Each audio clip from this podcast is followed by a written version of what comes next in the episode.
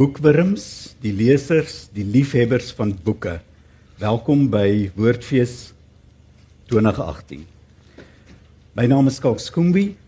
Uh, ek het net betyds hier aangekom van Johannesburg af. Ons praat vandag met iemand wat eintlik geen bekendstelling nodig het nie. Frans Marx, 'n veteraan op vele gebiede om maar net 'n paar te noem. Hy is 'n veteraan akteur van die verhoog en van die filmwêreld regisseur, vervaardiger, skrywer, iemand wat weliswaar baie diep spore in die bedryf getrap het, as mens nou 'n klise wil gebruik, maar ook iemand wat gehelp het om Suid-Afrikaners en Afrikaanssprekendes se leefwêreld te vorm om hulle kultuurherinneringe op te bou oor baie jare. Net om so 'n bietjie saam te vat van sy lewe meer as 'n halfuur in die vermaaklikheidswese. Eers as akteur, later skrywer, regisseur, vervaardiger, 'n skepende gees op alle gebiede. Hy het 'n blywende invloed gehad in die vermaaklikheidswese en is dikwels bekroon. Sy draaiboek 'n ligvol helder wolke is aangewys as beste akteur en vir sy draaiboek Die Buitestander ontvang hy in 1986 die Suid-Afrikaanse Akademie vir Wetenskap en Kuns sy SAIK prys vir televisiedramas. In 1995 word hy vereer met die Suid-Afrikaanse Akademie vir Wetenskap en Kuns se erepenning vir die rolprentkuns. So een tree terug. As verhoogspeler is hy 4 keer bekroon as beste akteur vir rolle in klassieke stukke soos Tartuffe, Die Vrek, Jakkalstreke van Scapino en Uit die oude doos. Die titels van die werke waarmee hy geassosieer word in televisie, rolprente en soms sê die die dagdramas, die seepies, ehm um, sluit in titels soos rolprente Jy is my liefling, Die buitestander, Matteus en Marai, 'n minireeks, Skooldae, baie geliefd, Agter elke man, Die prins van Pretoria, Geeltrui vir 'n wenner pas getroud, ma skryf matriek en natuurlik immergroen baie gewild Igoli plek van goud. Met speelbeeld 'n spanningsverhaal wat afspeel teen die agtergrond van ontkleeddanseresse, uitsmyters oftewel bouncers, nagklubs, gimnasiums en die internasionale sakewêreld. Maak hy nou sy debuut as romanskrywer. Ons sal weer daaroor gesels. Dit werklike debuut was. Frans Marx is gebore op 21 Maart 1942. En stories was van jongs af in sy bloed.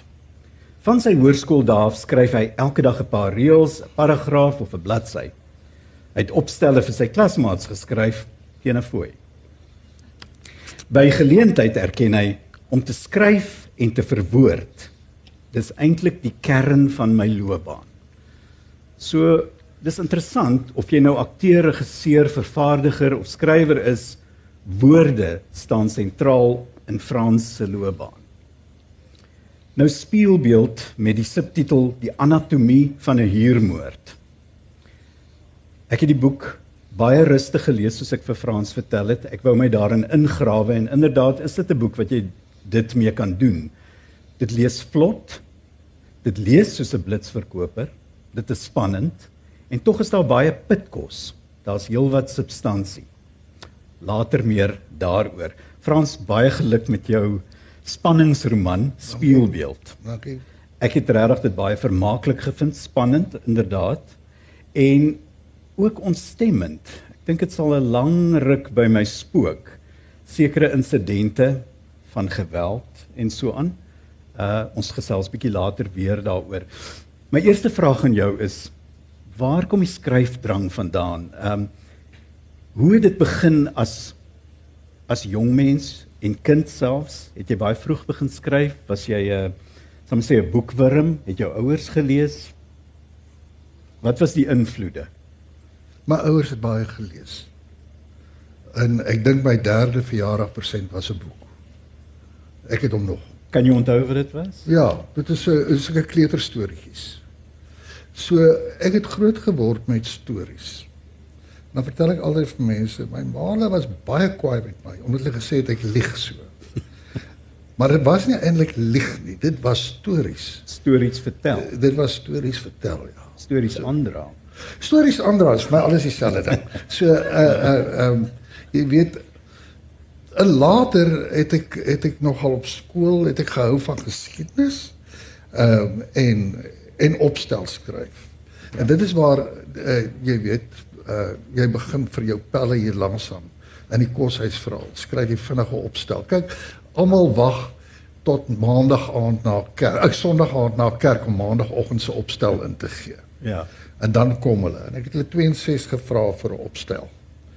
Ek het 'n vrou vermoed ek gaan dalk meer geld gemaak het op skool as wat ek nou uitskryf. Ek maak maar dit is besides the point. En was dit vir jou maklik om so vinnig vinnig vir iemand 'n opstel te skryf?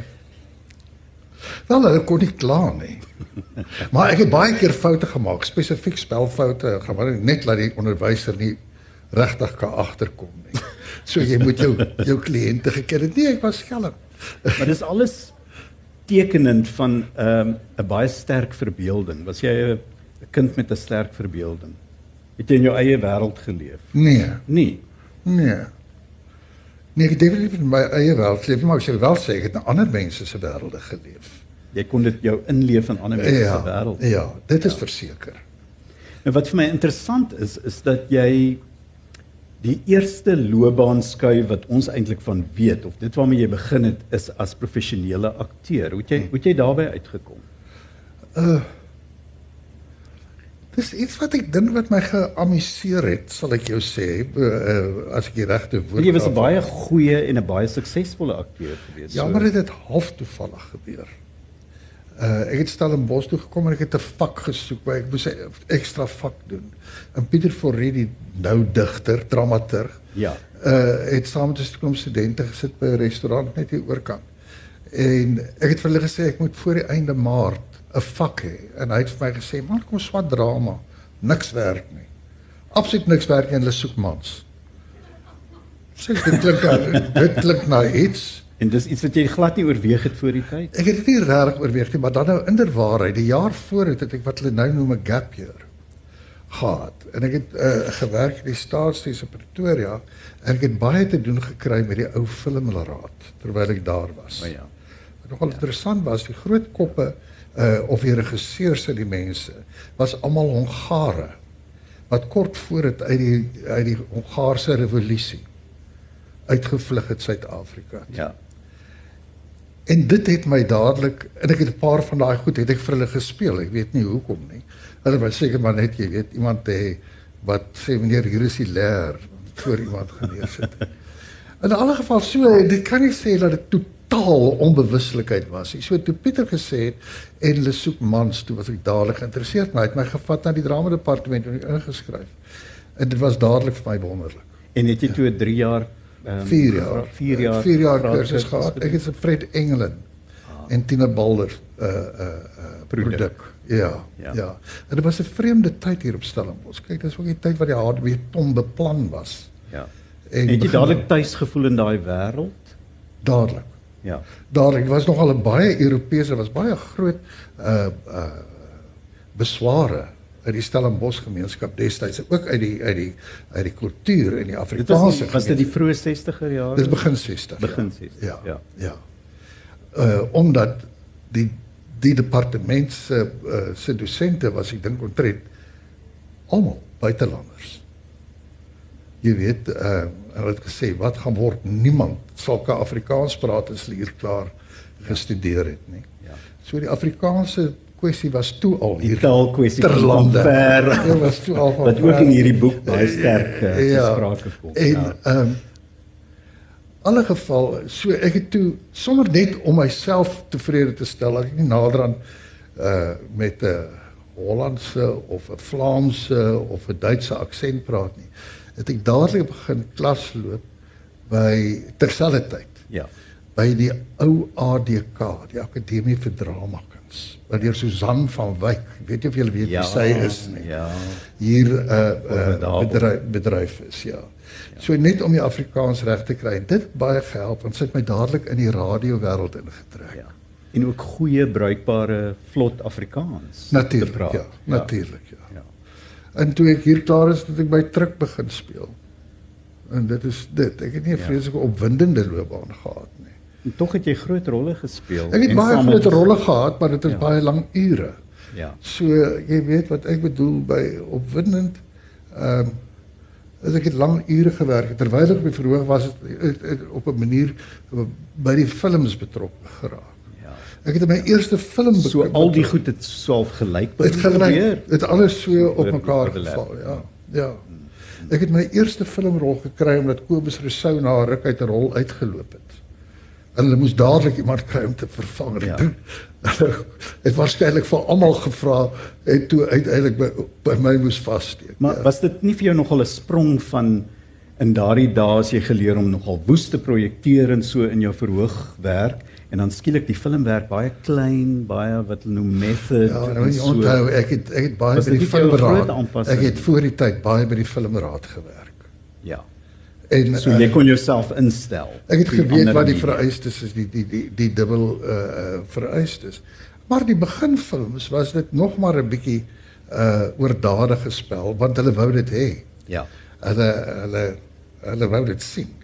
Kyk as jy nie gewys het nie, dan ja. bietjie van die ou NTO styl van daar was 'n bietjie daarvan daarvan. daarvan oor by die films, nie by die verhoog nie, hoor. Ja. Glad nie. Ek was vreeslik gelukkig toe ek begin het by die verhoog, toe het hulle ook daar baie goeie regisseurs gehad onder onder andere Frans van Frans Swart. was swart. Ja. Wat daar uh, uh, sy debuut gemaak het daarso. En hy was bitter jonk geweest. Hy was nog baie jonk geweest Ja. en uh, en vol entoesiasme. Ja.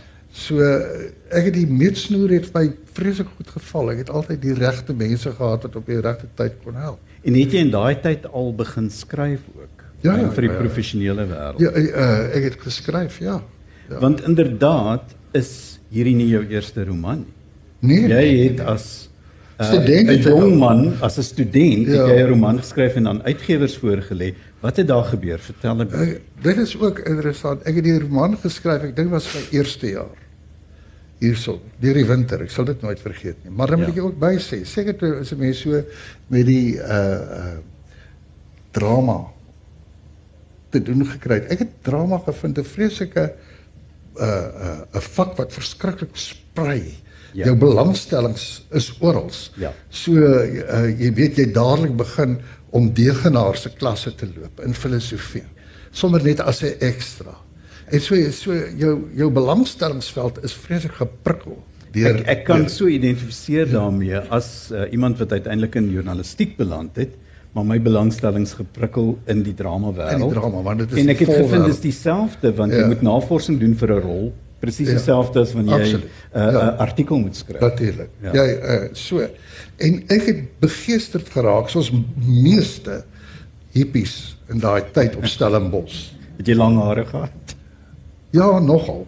Nogal, jy weet. Maar meer aan 'n gebrek aan sakgeld as aan styl. So uh uh so ek het totaal verlief geraak Ja. op Albert Camus se Ja. werke Ja. wat ek gelees het, 'n verslind. Ek kon dit omtrent opsê. Ja. Ehm um, en daarbey saam, as jy weet as jy Camus lees, dan luister jy Edith Piaf hier aan die regterkant. Ja. Ek weet nie of hulle nou nog Edith Piaf ken nie. Ja, Maar dit was 'n rolprent onlangs gewees. Dit, ja. ek sê so. Daar was 'n rolprent so 'n paar jaar gelede. Is dit? Ja, in 'n geval, maar Edith Piaf was op daai stadium die ontdekking van die jong student Ja.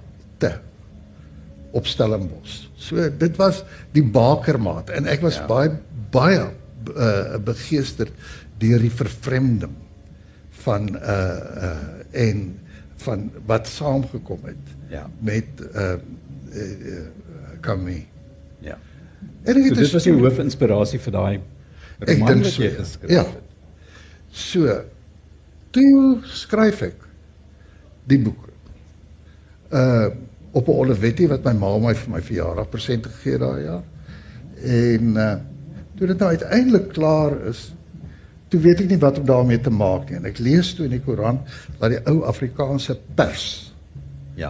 uh het was 'n uitgewery in die Transvaal. Ek dink dat die ou Vaderland was hulle koerant. Dis reg, ja. So- Dit was 'n aandkoerant geweest. Dit was 'n middagkoerant. Laat middagkoerant, ja. ja.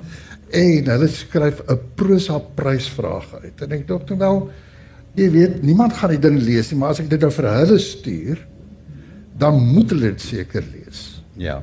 Ek het so gedoen en so en hier kom 'n brief terug. Hoe lank het dit jou gevat om daai roman te skryf? Die die, die hele jaar, wat die van ek begin skryf het tot ek hom nou gestuur het, is waarskynlik so 'n jaar en 'n Ja. maand of wat verby. Ja. Vir my- oud was jy min of meer toe? 19, 22? 18, 19? So jong. Ja. Ja. Ja. Ja. Ek kind. En ehm um, daar kom 'n brief terug. Eerste een al die brief gekry, die boek gekry, tweede een baie geluk met die boek, dit is baie goed. En die derde een hulle hulle gaan dit publiseer, hulle aanvaar dit vir publikasie. En dan nog 'n opvolgbrief. Hy kom af om my te ontmoet voor die ding. Geteken deur 'n ou met die naam van B.J. Smit. Ja. Nou ek studeer drama, maar ek sit hier so of nou die die Cameron Café is. Daai die, ding se naam op daai tyd sal niemand my glo nie was die Jacaranda. Uh uh en ek het daar gesit en inloop niemand minder nie as Bartu Smit. Bartu Smit die Wat ek dramaturg. natuurlik al die dramas van hulle geken het. Dis toe Ja. die B.J. Smit wat die boek toe nou vat en wil wil uitgee. Hy sê daar, hy's eers vies wat hy hy, hy sê hy het nie gedink ek is so jonk nie. En ek het seker 'n paar pysies gehad en so aan dit jy weet. Maar in alle geval toe toe is dit nou uitgemaak. Hulle gaan die boek publiseer ensovoorts ensovoorts en hy is begeesterd daarmee. Hulle sal iemand so kry en hy sê toe nog hulle is twee, hulle het nou twee wat hy gesê het jongelinge vir skrywers. En die ander ou se naam is Chris Barnard. OK. Nog nooit van hom gehoor op daai stadium. Man, en omtrent so 3 weke later kom ehm um, dokter Opperman se assistent in die Afrikaans-Nederlandse klasse. En hy sê meneer F.E. Marx steek aan. Hy sê dokter kom sien asseblief. En dadelik kan ek die simpatie van almal aanvoel daaroor want dit beteken eintlik jy gaan nie aan met jou kursus of iets nie. In geval het uh, kom 'n opperman sê sit. Hy sê ek verneem jy het 'n stadsroman geskryf. Ek sê ja. Hy sê nee Bartu was hier. En Bartu het vreeslik goeie goed van dit gesê. Hy gaan dit publiseer. Ek sê ja. Sê vir my gee om as ek dit lees. Ek sê nee, gee nie om as jy dit lees nie. Groot kompliment. En ek gaan haal vir hom die afskrifte wat is al wat ek gehad het, die die deurslagpapier ja. van van die ding. Keer man is omtrent so 3 weke later, toe kom die assistent weer in. Uh uh Ronnie Belcher. Hy was toe Ja. Hy sê meneer Marx. Ek sê ja, sê dokter Opperman lees sien. In alle geval ek gaan daarin met groot moed want nou gaan hy die praat oor die groot stadsroman. Hy gesê sit, sê ek het gelees en jy moet die broek terugtrek. Jy kan dit nie nou publiseer nie. Ek dog hy maak 'n grap. En hy's dood ernstig. Lang storie kort. Ja. Hy sê toe vir my, dit is die verkeerde tyd. Jy is te jonk vir hierdie boek. En dit is die verkeerde tyd. Daar gaan binne maande gaan daar twee boeke uitkom wat die wêreld gaan verander van wat dit baie sleg gaan laat lyk. En dit is die een is Lebolla vir die lewe, maar die belangrike een is sewe dae sewe dae by die Silversteins. Toe's daai goed nog nie gepubliseer nie. Ja. Maar hy het dit natuurlik al onder oë gehad. En dit, dit was al op die pers. Jong en ek het omtrent so 2 dae hier rondgeloop. Een een tyd ek gehoop 'n kar ry op 'n man dood en die ander keer op die ou het die volgens sê nee goed, ek ek gaan dit terugtrek. Ja. En ek het vir Bart toe gebel en toe het hy gesê nee, hy aanvaar dit so. En 25 jaar later. Ja, so toe gaan dit eers in die onderste Ja, laag. ja, weg. Vergeete vir. Vergeet dit nog steeds daai een wat Opperman gelees het, so ja. vergeelde. 25 jaar later vra Samra Kotse by die SAIK my. Hulle het 'n kansellasie gehad. Kan ek vinnig vir hulle 'n televisiedrama doen. Ja, sê ek. Sê het jy iets? Ja, sê ek. Uh so en ek het gesit en mm, kan aan niks dink nie. Kan aan niks dink nie. Nou begin jy deur jou laaie, notas en boeke se skryf. En dan kom die verpak vergeelde blaaie af van die Ja. beroemde Van 'n kwart eeu tevore. Gaan van 'n kwart eeu tevore. Nou jy nou is jy dan al 'n paar jare ouer. En ek het die ding gevat en besluit okay, ek gaan dit in 'n draaiboek omsit en ek gaan 'n guns aan myself, ek gaan niks verander nie. Ek het die tonele net so herskryf, net jy weet, Bietjie meer dialoog ingewerk. nie eers baie nie. Dink jy dit is dan kom nie, daar's nie baie dialoog nie. Vergeet. Net die minimum, net die minimum. En ek gee dit aanvaar en daar kry ek toe akademieprys daar. En dit is een van die groot pryse wat jy toe gewen het. Ja. Was met die, Die roman wat eintlik teruggetrek, afgekeur is. Maar dit moes vir jou tog 'n slag gewees het in daai tyd. Dink jy dit het jou jonge. 'n bietjie um afgesit om te dink in die rigting van 'n roman skryf vir 'n aantal jaar? Maar ek weet jy 'n baie skrywer, jy het baie Dit geskryf. het jou, dit het jou uh, of dit het my vir ten minste 3, 4 jaar 'n Ja. geweldige uh uh selfvertroue uh uh Ja. knap gegee Ja. wat prosa skryf betref. Ja. Elke keer as daar 'n boek uit sê, "O, wat is die nuutste tendense?" Ek is weer jy weet. Ja, so ja. en die die lus vir vir romans skryf is vinnig opgeneem Ja. deur die films Ja. en later die televisie. Ja. Maar is my interessant dan ehm um, die feit dat jy akteur was moes tog 'n groot invloed op jou skryfwerk ook Ja. gehad het. Iets daarvan van daai ervarings Ja. van wat jy geleer het oor die hantering van dialoog, hoe karakters met mekaar praat en so, Ja. moes jy op 'n manier teruggeploeg het in jou eie skryfwerk Ek is seker daarvan. televisie. Ek is seker daarvan. Uh ehm um, jy het dit altyd gedoen. Aan die beginjare, die skryf vir films uh was problematies omdat jou tekengehore Ja. problematies was. Dit was heeltemal 'n ongesofistikeerde gehoor uh uh of kyker Ja. wat jy moes bereik daarteenoor. En wat jy op 'n manier moes opvoed oor die medium. Nee, want ek wou nooit opvoed nie. Nee. Ek wou net hulle wou net sê hulle hou van die storie of hulle hou van die storie. Ja. Ek Maar maar ek weet waarvan jy praat. Ons leef in 'n tyd wat mense visueel baie geletterd is, baie rolprente kyk. Ja. Daar's soveel kanale op TV. Ehm um, so almal praat oor rolprente. En en ek hoor ook dat as jy 'n draaiboek nou moet skryf, is daar sekere baie spesifieke resep waarvolgens jy dit moet skryf. Een of ander Hollywood. resep is dood in die pot. Daar is nie 'n ander woord om dit te beskryf. Ja. So Maar jy het, jy het met jou gut feelings basies. ja, ek het dit- ek het ek het ek het my nooit aan resepte nie, maar wat ons wel gehad het wat almal nou baie maklik vergeet. Ons het 'n sensuurraad gehad. En om 'n rolprent vrygestel te kry, het daai rolprent ouderdomsbeperkings gekry. En as jy 'n rolprent 'n ouderdomsbeperking gekry het, het daai rolprent nie sy geld teruggemaak nie. Ja. En, En hulle was baie streng. Baie streng. Ja. So dit was nie net die sensuurraad nie, die verspreiders was bang om enige iets wat aanstoot kan gee. Uh uh uh, vry te stel en dan was daar nog die kerkrade Ja. onafhanklik daarvan. Ja. Ja. So daar was sekere onderwerpe wat seker heeltemal taboe was. Wel, tensy- Seker karakters wat jy nie kon So, uitbeeld nie. Glad hoe genaamd. Ja. En taal. Ja. Taalgebruik. En vloekwoorde. dan het jy die probleem gehad. Dis net wat jy sê, maar dit is nou niks persoonlik nie, skalk. Jy moet net onthou, jy weet, dis waar jy immuniteit teen uh uh uh die resensente opgebou. Die resensente in daai tyd Ja. het nie daai probleme gehad. Hulle het na die rolprente gekyk maar gesê dit lyk glad nie soos Susan Friday Virginia Woolf nie. Dis swak. Ja. So uh, hulle het nooit vir jou die die die die die die voordeel of die binnevet van die bout gegee oor wat jy gedoen het nie. So jy jy, jy, jy het naderhand met die resensente net vrede gehad. Hulle kom maar sê ja. wat net wat hulle wou. So ja. ek, ek lei daai af jy jy dalk nogal 'n haat-liefde verhouding Nee nee gehad nee met nee die nee. media. Nee, nee ek het glad- Resensente. nee nee nee nee. Ek het die, ek was baie lief vir die media want die media moes jy goed verkoop. Ja.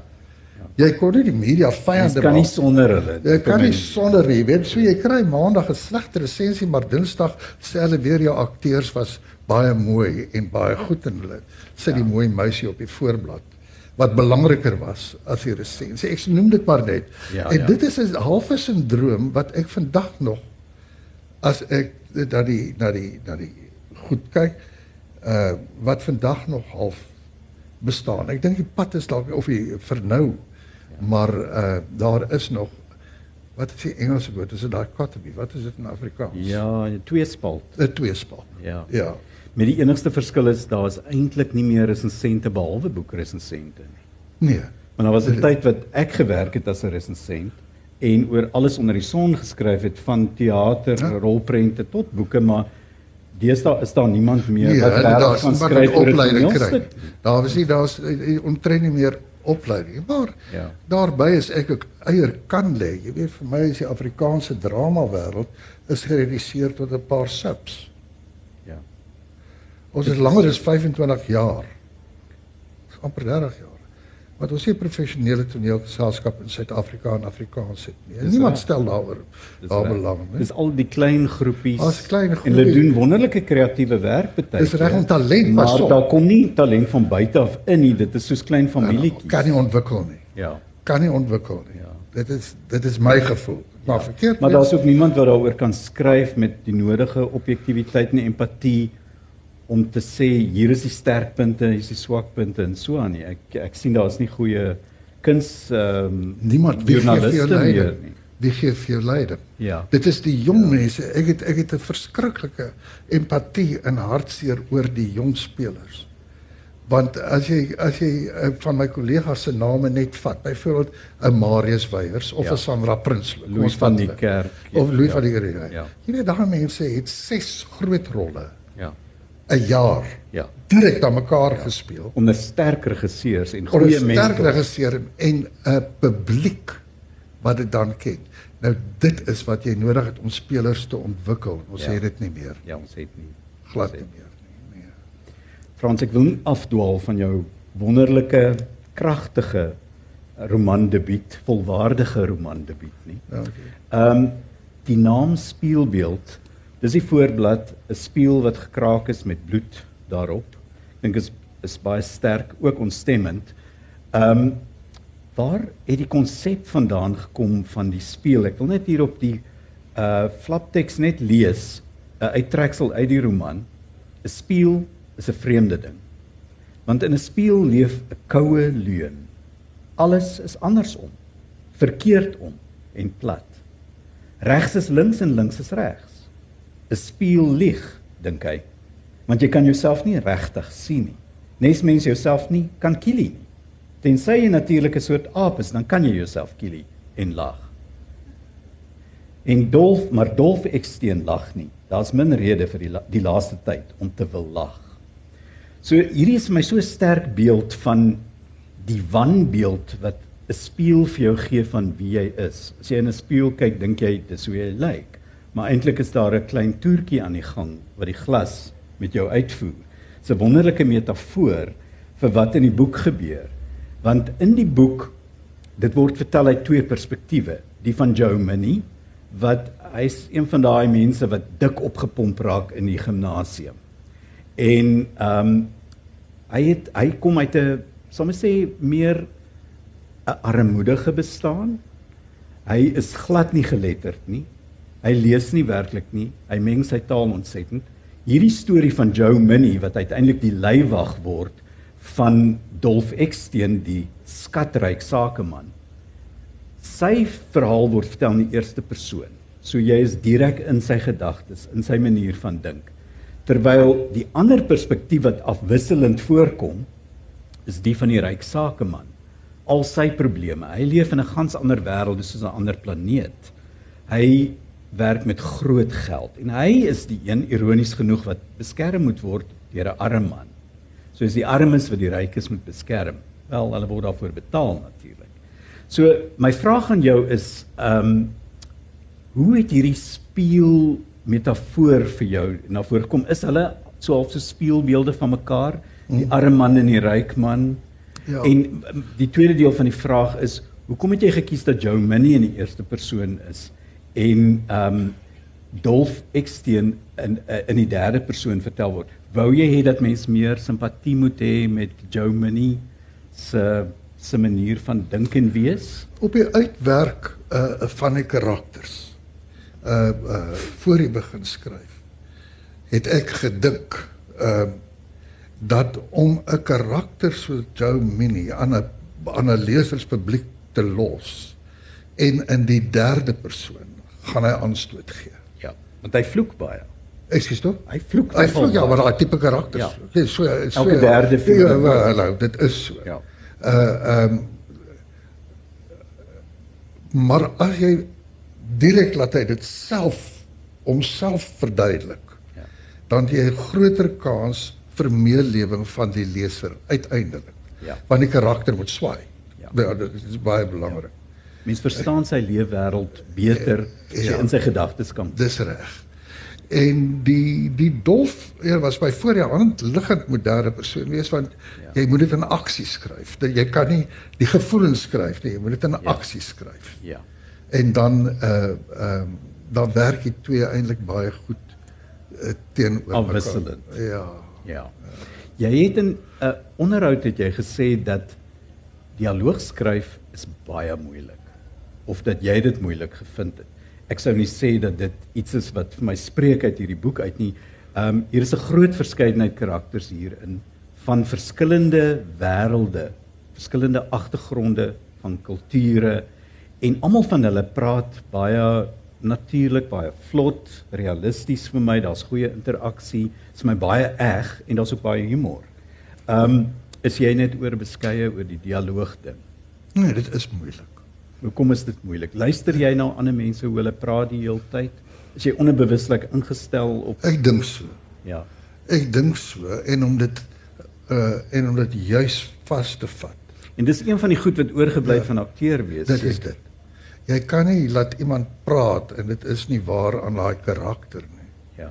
Dan uh, dan verloor jy uh, mense dadelik. 'n Uitgewer het aan my gesê, hulle sukkel baie met hulle jong en soms gevestigde skrywers om die dialoog ding reg te doen.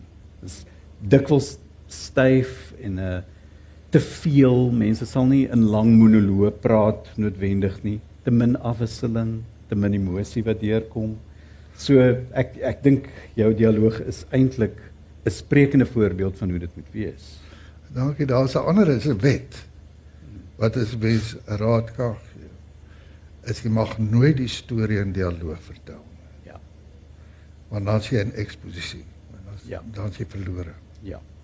So daar's iets wat mense amper wegsteek terwyl jy die dialoog laat gebeur. Ja. Maar die storie is aan die gebeur. Dis reg. So die dialoog gee die subteks. dis reg. Ja. Dis reg. Ja. Ehm um, wat vir my interessant was van jou karakters ook, daar's 'n klomp vroue karakters. Ehm um, nogal 'n verskeidenheid sterk vroue. En ek moet sê so tussen die die klomp wat ek getel het nou daar is Belinda, Dolf se nuwe vrou. Daar's heelwat antagonisme en vyandskap tussen hulle. Ehm um, en sy het drome van om 'n groot ster te word. Dan is daar haar agent Elaine, uh ook nogal 'n taamlike harde vrou op haar eie manier. Bietjie van 'n manipuleerder, mens wil nie te veel sê nie. Ehm um, daar is Joe Minnie se ma, 'n vrou wat baie hard werk, sy het 'n laundromat. En sy moet probeer om haar man daarvan te weerhou dat hy al die geld deur sy uh, laat wegspoel. So sy is die regte werkersvrou. Dan is daar Joe Minnie se ehm um, se buurvrou wat bietjie van 'n viswyf amper is. Sy is daai tipiese skellerige vrou met die baba op die heup. En ehm um, ek weet ek ek vergeet sekerlik nou nog 'n vrou wat uh o, daar is Dolf se se persoonlike assistent en dan sy finansiële bestuurder. Nou ek moet sê so tussen al daai vroue sien ek iets wat amper vir my soos die die tipiese CPT is. Is is ek reg as ek dit sê? Daar's so twee van ten minste twee van daai vroue wat wat mens regtig kan haat. Wat vir my ehm um, ja, amper amper aanstootlik is. Ek sal nou nie sê wie nie. Dis dis vir mense om te ontdek in die in die lees van die boek. Almal wat Ken jy sulke vroue? Alle al almal wat met my onderhoude voer, raak dit aan. Is dit? Ja. So dit is iets wat die mense wat die boek gelees het uh opval, Ja. dalk hinder. Maar natuurlik nie al die vroue is nie so nie. Daar's Nee, baie nee, nee, mooi nee. vol. So hulle vind uh uh hulle almal wil oor Belinda praat. Nou die die vreemdste ding is dat die Belinda karakter oorspronklik in my eie uitwerk van die storie was 'n baie groot karakter. Ja. Maar daar was in die vertelling van die storie nie plek vir 'n derde karakter nie. So sy haar storie is weggevat. Ja. Ek sien wat jy bedoel. Dit is so eh, dit het sy het oorgebly wat absoluut doodfunksioneel moet wees Ja. in Ja. in in die ding. Maar om dit regtig raak te lees, as ek dit mag sê, het te doen met die einde van die storie. Ja. En die einde van die storie is die vraag wat elke leser hom of haarself sal vra is lieg Joe Minnie. Ja. Ja. Mens wil nou niks weggee oor die einde nie, maar ek kan maar net vir die voornemende leser sê hulle moet maar fyn lees want daar gebeur iets baie interessants aan die einde. Ehm um, iemand het het selfs gesê dat daar sou moontlike opvolg kon wees Nee, dit oor kan so 'n boek. Nee. Sou jy dit Nee, oorweeg glad nie? nie. Hoe genaamd nie.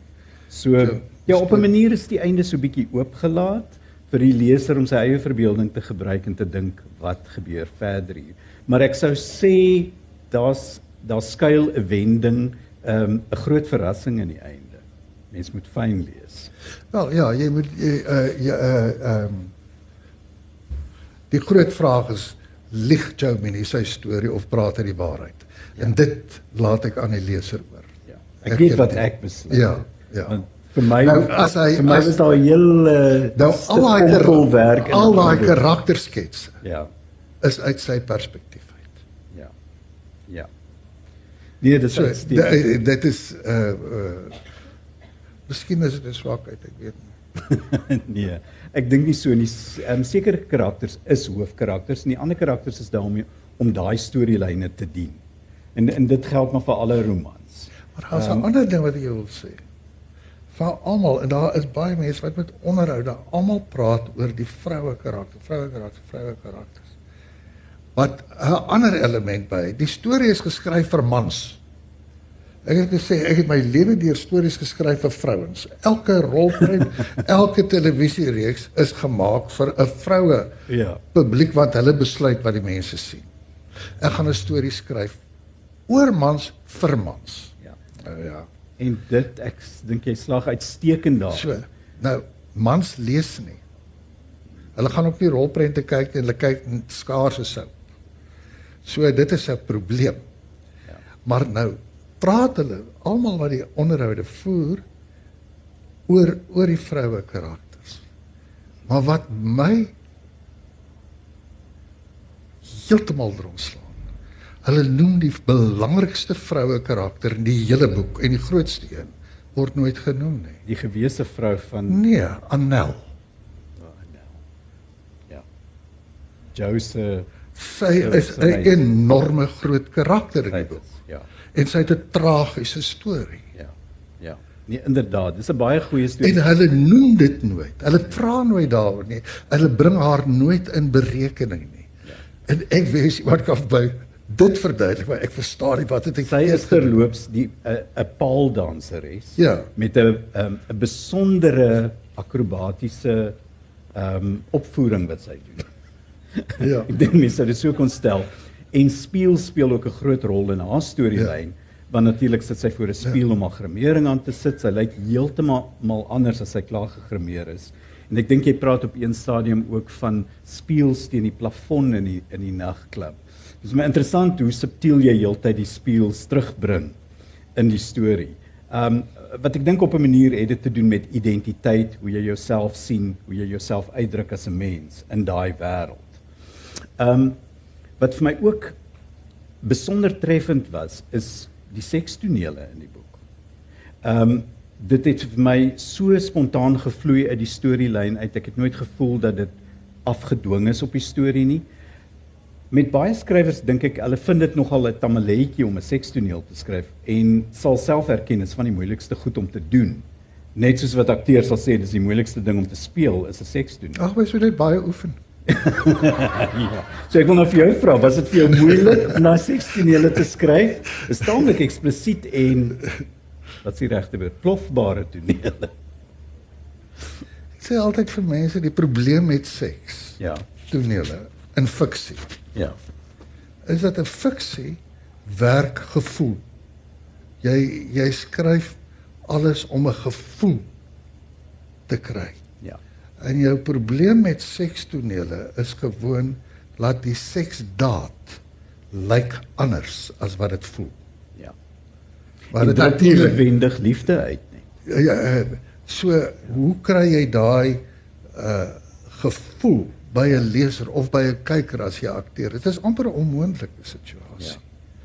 Dit is uh dit is En dan is die gevaar groot van klisjées en sulke dinge en dan selfs 'n prys dink ek in Engeland uh the Bad Sex Writing Award of so iets wat elke jaar toegekend word aan die skrywers wat die lagwekkendste of belaglikste sekstonele geskryf het in hulle romans.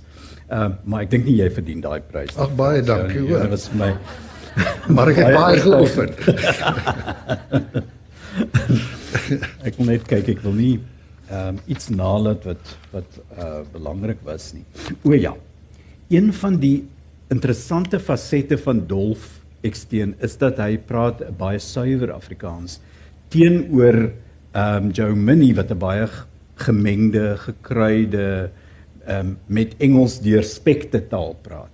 Ehm um, het jy met mense gepraat wat so het, het jy jou navorsing gedoen met ek weet jy het gepraat met leiwagte en met Lolly Jackson en so aan. So jy het seker baie fyn geluister hoe hulle praat. En dan die teenoorgestelde is Dolf wat deel is van hierdie groep mense wat Afrikaans eerste be wil bevorder. En uiteindelik wil ek wil nou nie iets weggee nie, maar hy het ook besware teen daardie groep se se standpunte en stellinginname. Ehm um, Waar staan jy self in terme van van Afrikaans? Hoe ek is 'n um, dolf eksteen. Is jy Ja, ja, sonder sonder sonder. Maar mens kry amper die gevoel jy is ja. jy is baie ontspanne oor die hele saak van Afrikaans nee, en hoe dit deesdae gepraat word. Nee nee nee, ek is glad nie. Dit is my walglik. Uh nou as jy 'n ander woord om daarvoor te sê nie. Ja. Maar ek, die mense praat so. Ja. Ja. En dit so, amper aan die erger word as mense luister. Dit is baie en uh, hoe ekstreem dit raak is. is is half ekstreem hier. Maar as jy ek noem dit Melvillees. Ja. 'n Melville rondloop met die jong mense.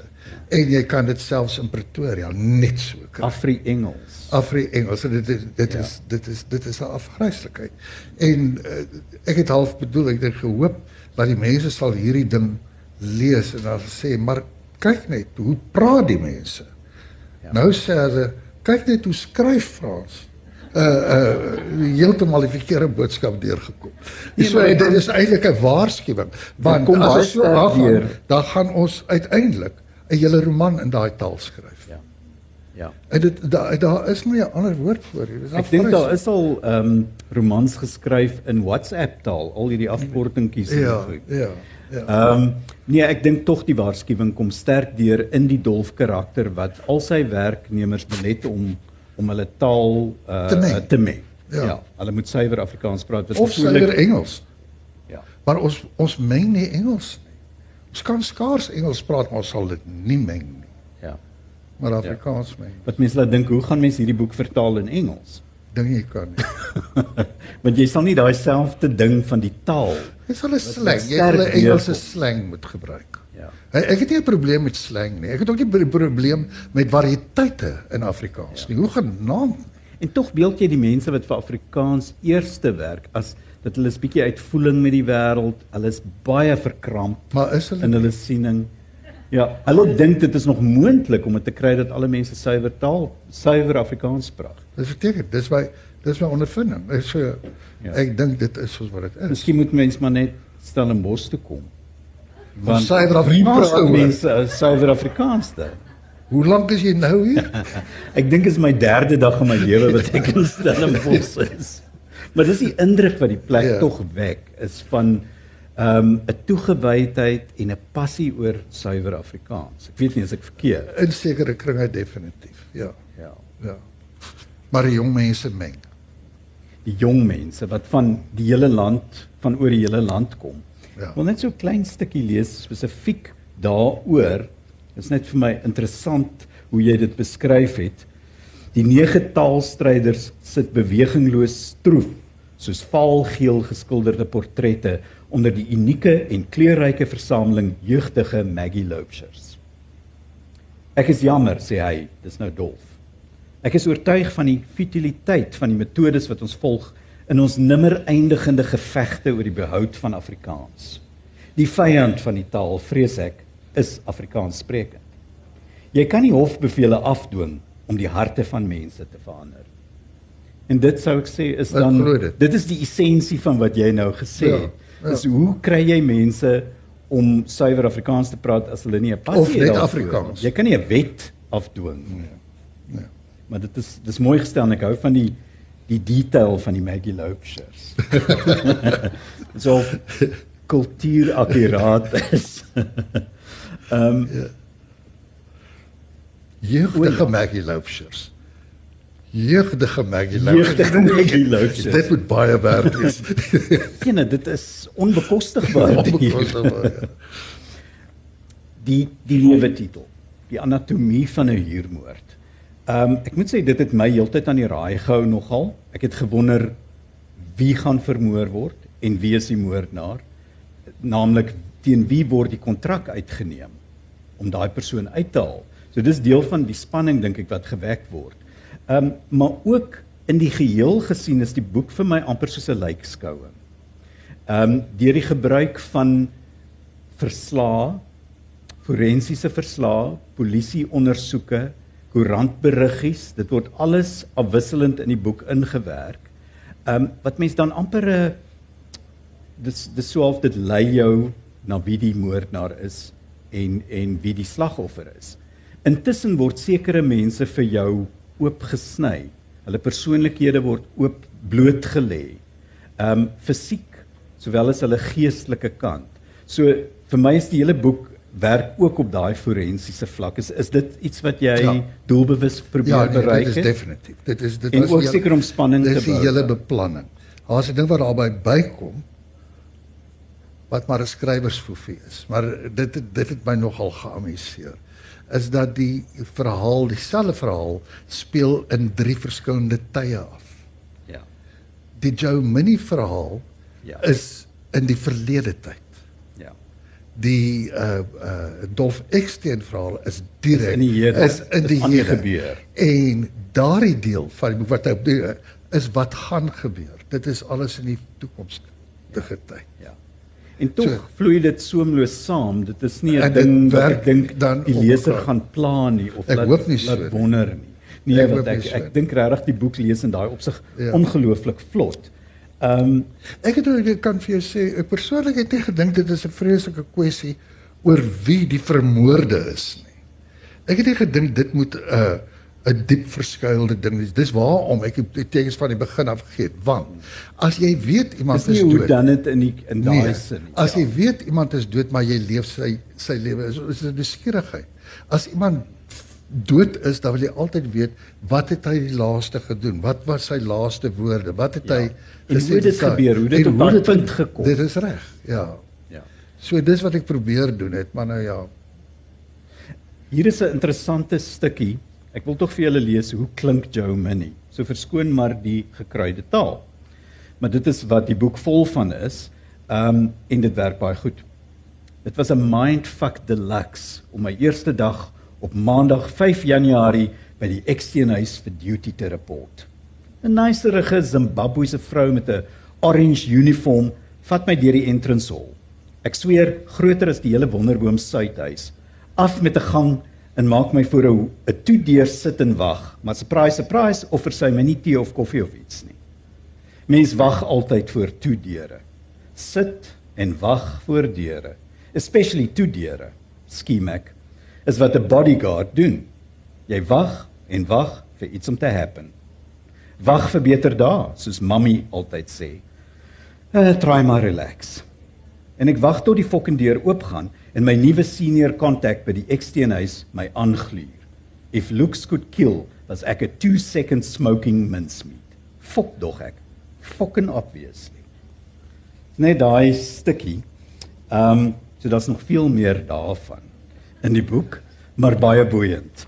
Ehm um, ek wil weet oor jou jou werkmetode. Jy het iewers gesê dat jy baie lang ure geskryf toe toe jy nou eers geweet het wat jy wou doen dat dat jy begin werk het jy kon nie begin skryf voordat jy nie geweet het wat die einde was nie. Beteken dit jy het regtig nie 'n woord geskryf voor daai voor jy die einde haarfyn beplan het nie. En en hoe het jy die hoe het jy dit regkry om sulke lang ure te werk? Ehm um, jy weet die dissipline, die energie daarvan.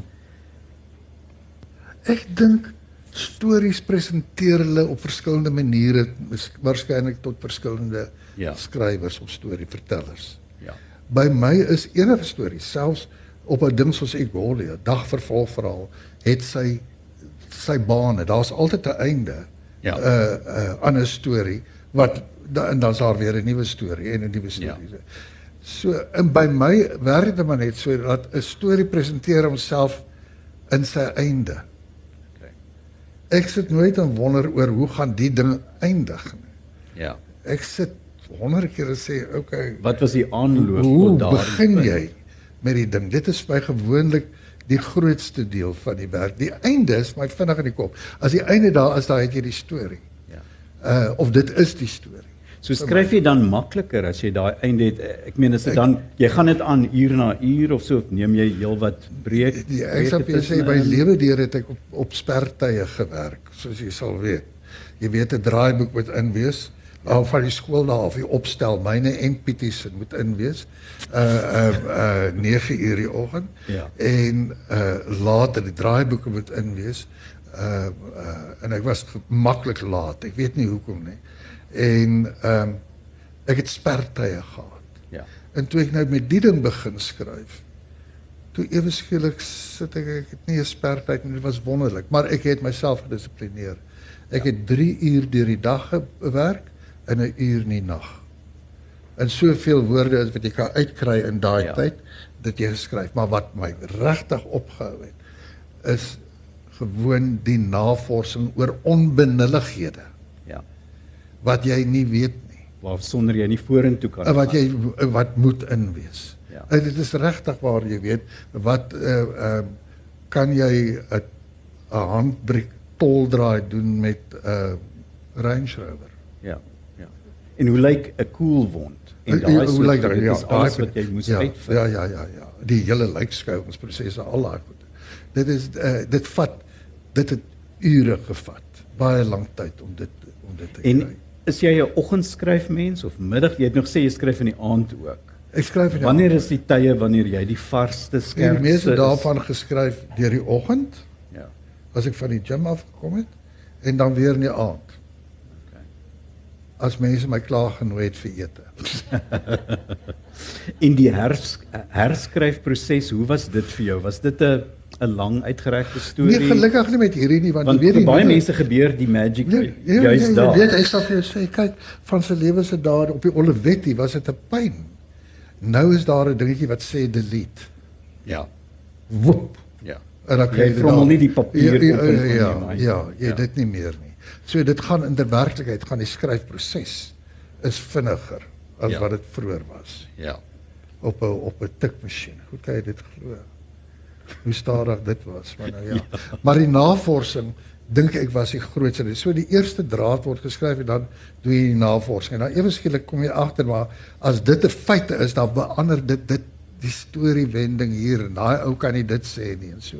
Ja. So dan moet jy dit maar so, gedurende reg. Jy het net nou gepraat oor om op 'n dag sepie jy weet ehm um, die proses daar en die proses hier is hier was hierdie nie vir jou 'n geweldige eensame proses nie want as mens werk jy het darm die ondersteuning gehad van 'n groep ander skrywers. Jy het seker die hoofstorielyne uitgewerk sekere punte waarby karakters moes uitkom en dan kon jy dit so bietjie oorlaat aan ander kreatiewes om van die details in te vul, maar hier was elke liewe detail was jou verantwoordelikheid geweest. Sonder assistente gevoel, ja. Sonder assistente kry myself baie jammer daaroor.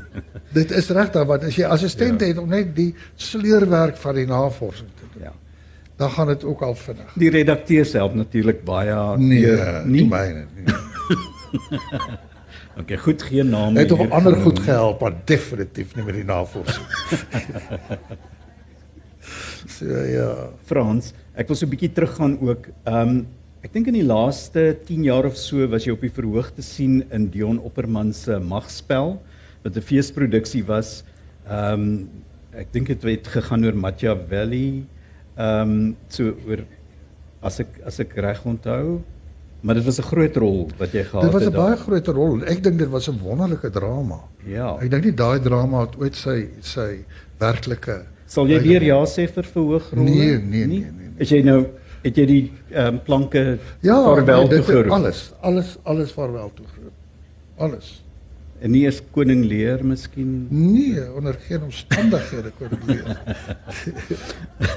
ek in Frans Hamlet. Ja, ek wil ek wil jou graag weer op die verhoog sien. Ek sou ek dink ehm um, jy weerhou jouself van mense ehm um, en ons gehore dat hulle kan sien watter wat 'n wonderlike genuanceerde speler jy was. Ehm um, so in die mid 80s het ek en Frans saam in 'n produksie gespeel op televisie. Die stuk se naam is Dode Dans, was deur die ehm um, dramaturg, dink Sweedse dramaturg Strindberg. En die ander spelers wat daarin was was Patrick Meinhardt en Louise Molet Prinsloo geweest. En dit is een van daai soort van produksies wat jy nie meer sien op televisie nie. Die ehm um, is is dit iets wat wat jy gevoelens oor het die feit dat ons nie eintlik meer die groot dramaturge se werk in Afrikaans op televisie te ja, sien kry nie. Ek dink dit is 'n ramp. Dit is 'n ramp. Dis gewoon 'n ramp. Ons sien dit nie op die verhoog nie. Dis waarvan ek ons praat. Ons sien dit nie eers op die verhoog nie, maar ook nie op televisie nie. Daai daai tyd het mense nog goed so Sandra ja. Prinsloo se The Human Voice byvoorbeeld gesien. Ehm um, mense sien nie meer daai tipe daai gehalte TV-produksies nie. Is dit nie iets wat jy sou kon vervaardig nie? Nee, ek is te oud. Dit is vir jong mense. Die jong mense het die energie vir die goed, nie? Ja, maar jy het die kennis en die en die ervaring. Ja, maar dit is die tragedie. Dis waaroor jy hulle uit praat. Jy weet, ou mense is daddering. Die jong mense met daai kennis en ervaring, ja. Dis my gevoel daaroor. Ja dit is waar. Ja. Die ander vraag wat ek jou vra is in jou dae toe jy 'n matinee idol was op 'n manier. Het jy gespeel saam met 'n baie geliefde aktrise sangeres genaamd Min Shaw? Dink jy twee rolprente saam met haar gedoen? Uh jy is my liefling en die Dani Bosman storie waarin jy Dani Bosman was. Nou ek het albei gesien en en dit is my wonderlik geweest. As ek dit nie mis het nie, het jy gesing ook daar met uh Lance James se stem. So dit was nie jou eie stem gewees. sien ek het nou al die jare wat jy gedink meer as 30 40 jaar het ek gewonder daaroor ja. dat jy so 'n amazing stem het.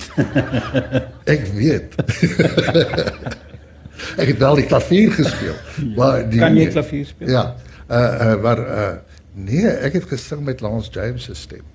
Maar hy het nog nie 'n bekende stem gehad op daai stadium nie. Hy was 'n totale onbekende sanger in. Dit verklaar alles. Ja. En en Nou eintlik het die stem pragtig gepas by my gesig. Hoe was dit om saam met Min Short te werk? Dit was wonderlik. Was sy regtig 'n sweetheart? Ja, sy was. Ja. Sy was 'n sweetie. Uh uh ek het later uh met haar en Andrei Walter se hele komedie reeks gemaak. Ja. Uh uh familie daar. Dis reg. Dis reg. Wat nogal baie goed gedoen het daar uh, daar. So uh in wat daar baie meer van die spel uh uit haar en nou nee sy sy kon. Maar jy weet ons was almal so gedruk in sekere beelde soos cookie jars. Ja. So gedruk so gedruk. Ja. sekere stereotypes. 'n stereotype. Ja. ja jy kon nie daar uit jy kon nie daar uitbreek. Jy kon nie daar uit beweeg dis glad Maar Frans is vir my so opwindend om te sien dat jy het nou 'n roman op die rak. Mense, julle moet dit koop en lees want ek dink julle sal dit nie gou vergeet nie. En net om jou af te sluit, ek sien ons tyd is amper verby, wil ek net nog so 'n kort stukkie lees uit die boek uit. Hierdie ehm um, handel oor dis 'n jagtoneel. Meeste van die boek gaan uh, speel af in 'n stedelike milieu, maar hier skielik spring ons bietjie meer na 'n plattelandse scenario toe. Ehm um, dit is Joe Minnie wat praat genadiglik, minder vloekwoorde. Dis iets wat hy onthou van hoe sy pa hom geleer het om te jag. Die jakkals het langs die besembos deur 'n ou ertvarkgat onder die Ogiestraat gegrawe en met sy linker agterbeen een van oom se slagysters afgetrap. Pa speel sy ligkol al om en om die jakkals. Hy ruk wild rond en byt aan die slagyster se ketting, duik in angs en pyn onder die besembos in, ruk weer woes om uit die ligkol uit dieper onder die bos in te kom of plat agter 'n eysterklip weg te kruip. Maar die slagyster se ketting is te kort en pa se lig bly om hom kol. Die jakkals maak nie 'n geluid nie. Niks. Ruk net aanhoudend. Die bliksem, fluister oom. Skiet hom, Joe, skiet hom. Pa kom staan half agter my. Ek haal die punt 22 oor, punt 22, skuis tog, oor. En pa wys vir oom en Dion om eenkant toe te staan. Met die doef doef van bloed in my ore lig ek die kerspresent punt 22 bewerig op. Vat jy dit nou eers rustig, troepie, net rustig. Vou pa se hand weer om my skouer en die bewerigheid gaan so waar weg. Daar is hy. Blaas jou asem stadig uit. Nou in, uit. Nog 'n slag. In, uit. Dis hy. Skielik, of hy vir iets wag, bly die jakkal staan. Die korrel suig op hom vas. Kyk, prewel pa langs my oor. Kyk hoe kyk hy vir jou. sien jy? Dis soos 'n ding lyk wat vra dat jy hom moet skiet. Dis 'n kyk van sy eie as hy so kyk. Hy vra dit, troepie. Pa se lippe roer teen my regteroor en sy asem vee teen my nek. Hy wag, fluister pa weer. Doen dit, Joe. Doen dit. My wang sak warm teen die gladde, koel kolf af. Die jakkal staan doodstil in my versuur. Ek wag dat ek hom skiet. Hy wag dat ek hom skiet. Hy smeek dat ek hom skiet. Uit met die asem, uit. Sonder dat ek dit eers weet, blaas ek uit. Die jakkal staan versteen. Maar toe laat sak ek die geweer. Ek weet nie hoekom nie, sommer van self. Ek kon nie die sneller trek nie. Ek kon nie.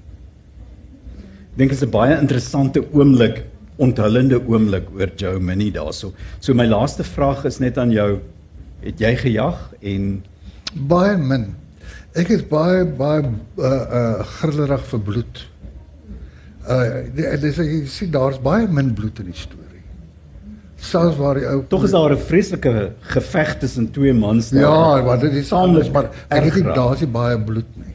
Ja. Dis nie baie bloed nie, maar loop 'n vriend van my in om die boek te koop en hy vra vir die boek by die by die by die by die, by die toonbank en daar sê die vrou o, die bloedboek die bloedboek. so Frans, baie ja, dankie. Baie geluk baie met jou dankie, boek. Jylle. Mense koop dit en lees dit. Julle sal nie spyt wees nie. Baie dankie vir julle kom. Dankie. Baie dankie vir julle.